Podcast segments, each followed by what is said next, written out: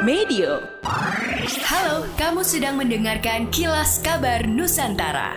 Podcast persembahan KG Radio Network menyajikan berita harian yang mengangkat keunikan dari berbagai wilayah Indonesia.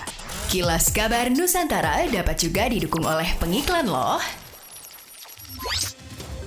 Karantina Pertanian Makassar melalui wilayah kerja Pelabuhan Laut Utama Makassar melakukan penolakan 6 ekor kerbau yang datang dari Surabaya. Penolakan ini dilakukan karena pemilik kerbau tersebut tidak dapat memenuhi dokumen yang dipersyaratkan. Kepala Karantina Pertanian Makassar, Lutfi Nasir mengatakan penolakan kerbau-kerbau ini telah sesuai dengan amanat Undang-Undang Nomor 21 Tahun 2019 tentang karantina ikan, hewan, dan tumbuhan. Regulasi tersebut mengatur bahwa media pembawa yang akan masuk ke wilayah tujuan, baik hewan ataupun produknya harus dilengkapi dengan sertifikat karantina dan sertifikat kesehatan hewan yang diperoleh dari daerah asal.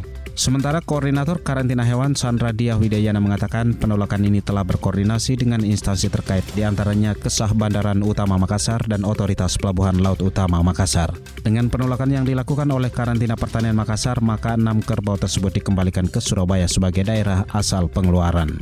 Gubernur Jawa Timur Kofifa Indar Parawansa mengklaim bahwa total nilai transaksi pada katalog elektronik hingga 31 Maret 2023 di Jatim telah mencapai 1,12 triliun rupiah, meliputi 62 1.682 produk tayang dan 6.719 produk lokal yang telah bersertifikat tingkat komponen dalam negeri TKDN. Menurut Gubernur, hal ini dilakukan sebagai percepatan penyerapan produk dalam negeri, produk usaha mikro, usaha kecil dan koperasi melalui sistem e-purchasing pada pelaksanaan pengadaan barang dan jasa di pemerintahan. Selain itu disampaikan, pihaknya juga telah merumuskan beberapa kebijakan seperti memperbesar batasan transaksi dari 50 juta menjadi 200 juta rupiah, batasan metode pembayaran untuk transaksi ganti uang hingga 200 juta rupiah, menambah jumlah produk hingga 14 komoditas dan layanan dokumen pengadaan toko daring. Kepala Kantor Wilayah Kemenkumham Sumatera Selatan Ilham Jaya berkomitmen penuh dalam memberikan pelayanan kepada masyarakat, salah satunya melalui transformasi digital di setiap lini layanan.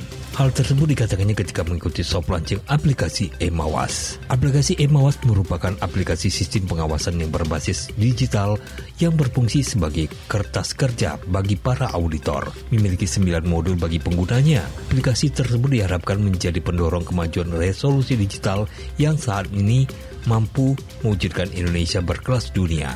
Inspektorat Jenderal Kemenkumham RI Razilu dalam sambutannya ketika meluncing aplikasi Emawas menjelaskan kepada para APIP Ijen Kemenkumham dan Mitra Kerja Inspektorat Jenderal Kementerian Hukum dan HAM bahwa aplikasi tersebut dapat meningkatkan kualitas pengawasan internal dan juga memiliki integritas serta kapabilitas yang tinggi dalam melaksanakan tugas-tugas pengawasan. Inspektorat Jenderal Kemenkumham RI merupakan yang pertama memiliki manajemen pengawasan berbasis digital sehingga mampu mendukung proses bisnis Kemenkumham. Demikianlah kilas kabar Nusantara malam ini.